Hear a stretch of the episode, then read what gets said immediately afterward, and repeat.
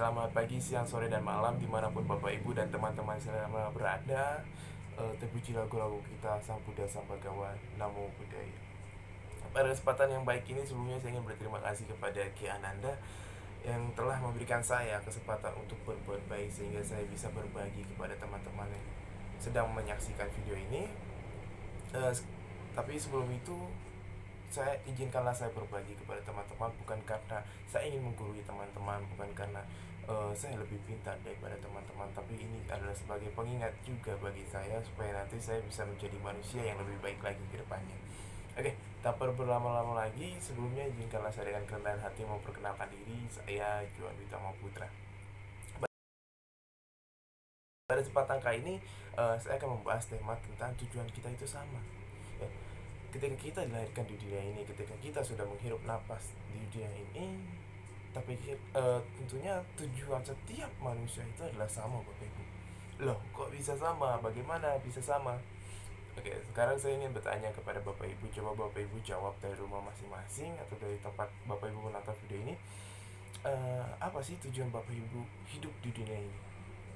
Oke lima empat tiga dua satu. Mungkin ada yang menjawab oh saya ingin menjadi orang yang kaya. Oh saya ingin mencapai tingkat kesucian atau saya ingin mencapai atau saya ingin terlahir di alam yang lebih baik lagi. Saya ingin punya keluarga yang harmonis saya ingin punya mobil dan lain sebagainya. Ya.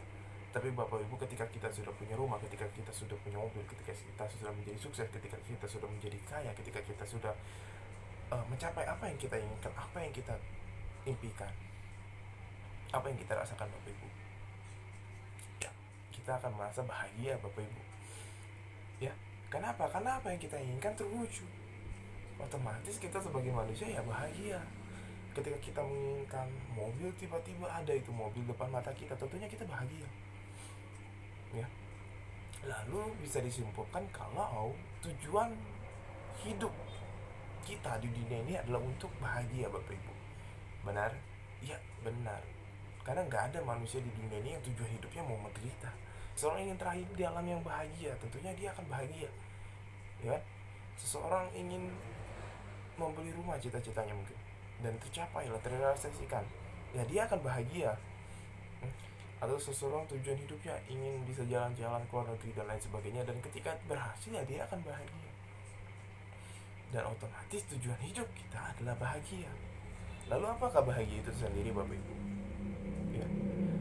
mungkin ada yang menjawab oh bahagia itu adalah ketika apa yang saya inginkan tercapai bahagia adalah ketika saya bisa tertawa dan lain sebagainya oke okay.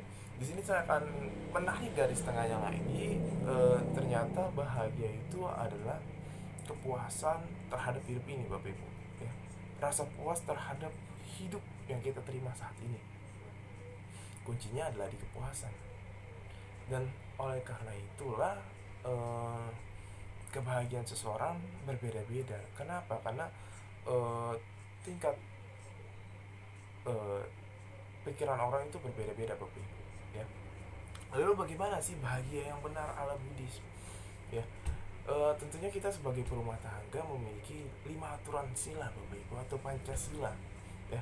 Yang pertama kita tidak boleh membunuh, kita tidak boleh mengambil barang orang lain, kita tidak boleh berbuat asusila, kita tidak boleh berbohong. Kita tidak boleh atau kita tidak boleh meminum minuman keras. Sebenarnya bukan tidak boleh ya tapi kita melatih supaya diri kita tidak melakukan lima hal tersebut bapak ibu. Boleh memang melakukannya boleh boleh saja tapi ada akibatnya. Nah uh, lalu bagaimana bahagia yang benar? Nah itu tadi kita melihat dari segi pancasila bapak ibu ya kebahagiaan itu tidak kita peroleh dengan pembunuhan artinya dengan kita membunuh makhluk hidup. Sebagai contoh mungkin uh, kita membunuh ayam. Lalu kita senang dengan hal itu itu berbahaya sekali bapak ibu ya. Terus yang kedua kita mengambil barang orang lain misalkan. Lalu kita senang. Terus kita berbuat asusila tidak. Ya bapak ibu ya. Terus kita tidak juga memperoleh kebahagiaan itu dari membohongi orang lain. Lalu kita tidak mendapatkan kebahagiaan itu juga dengan cara kita minum minuman keras atau banyak lah yang dapat menghilangkan kesadaran kita narkoba dan lain sebagainya. Ya.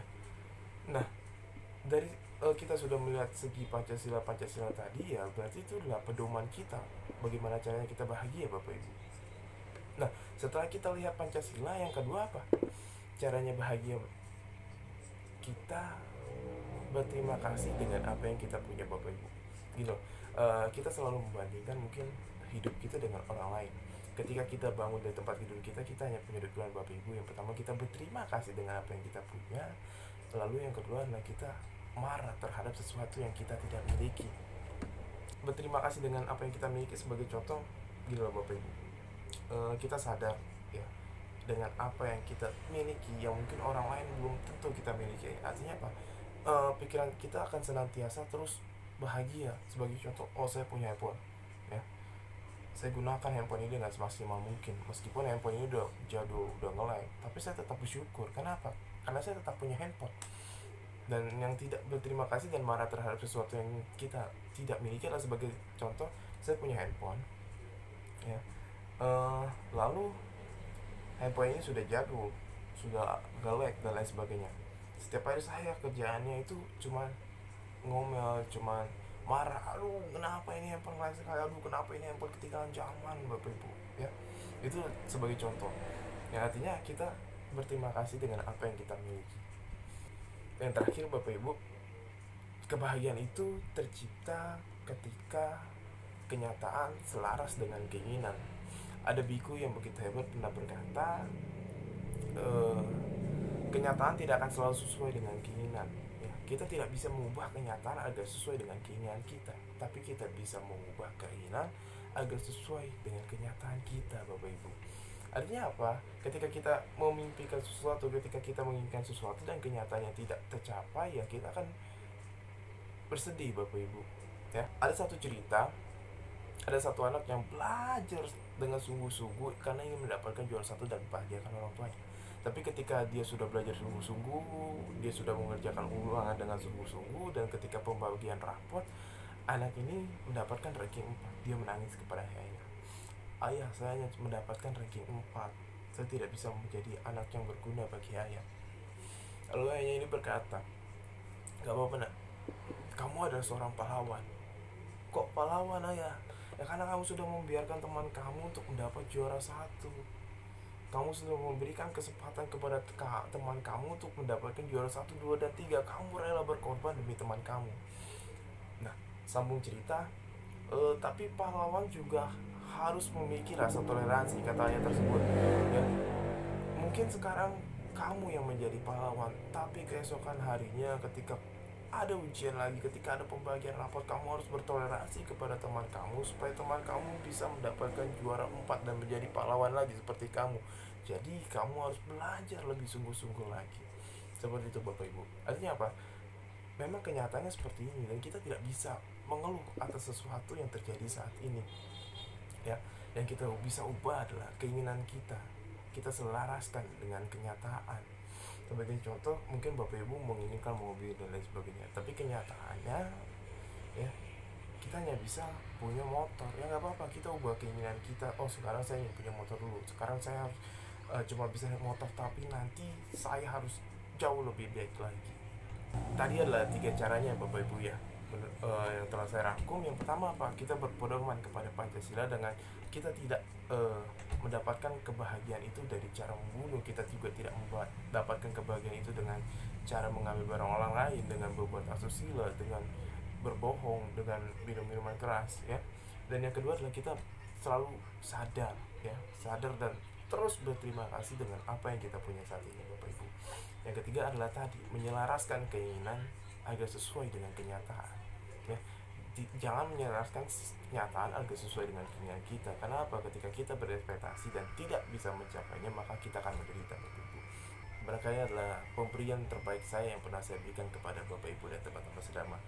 Sebelumnya saya juga ingin meminta maaf apabila selama saya bicara tadi ada kesalahan kata dan yang mungkin tidak berkenan di hati Bapak Ibu, teman-teman sebama. Sebelumnya saya minta maaf.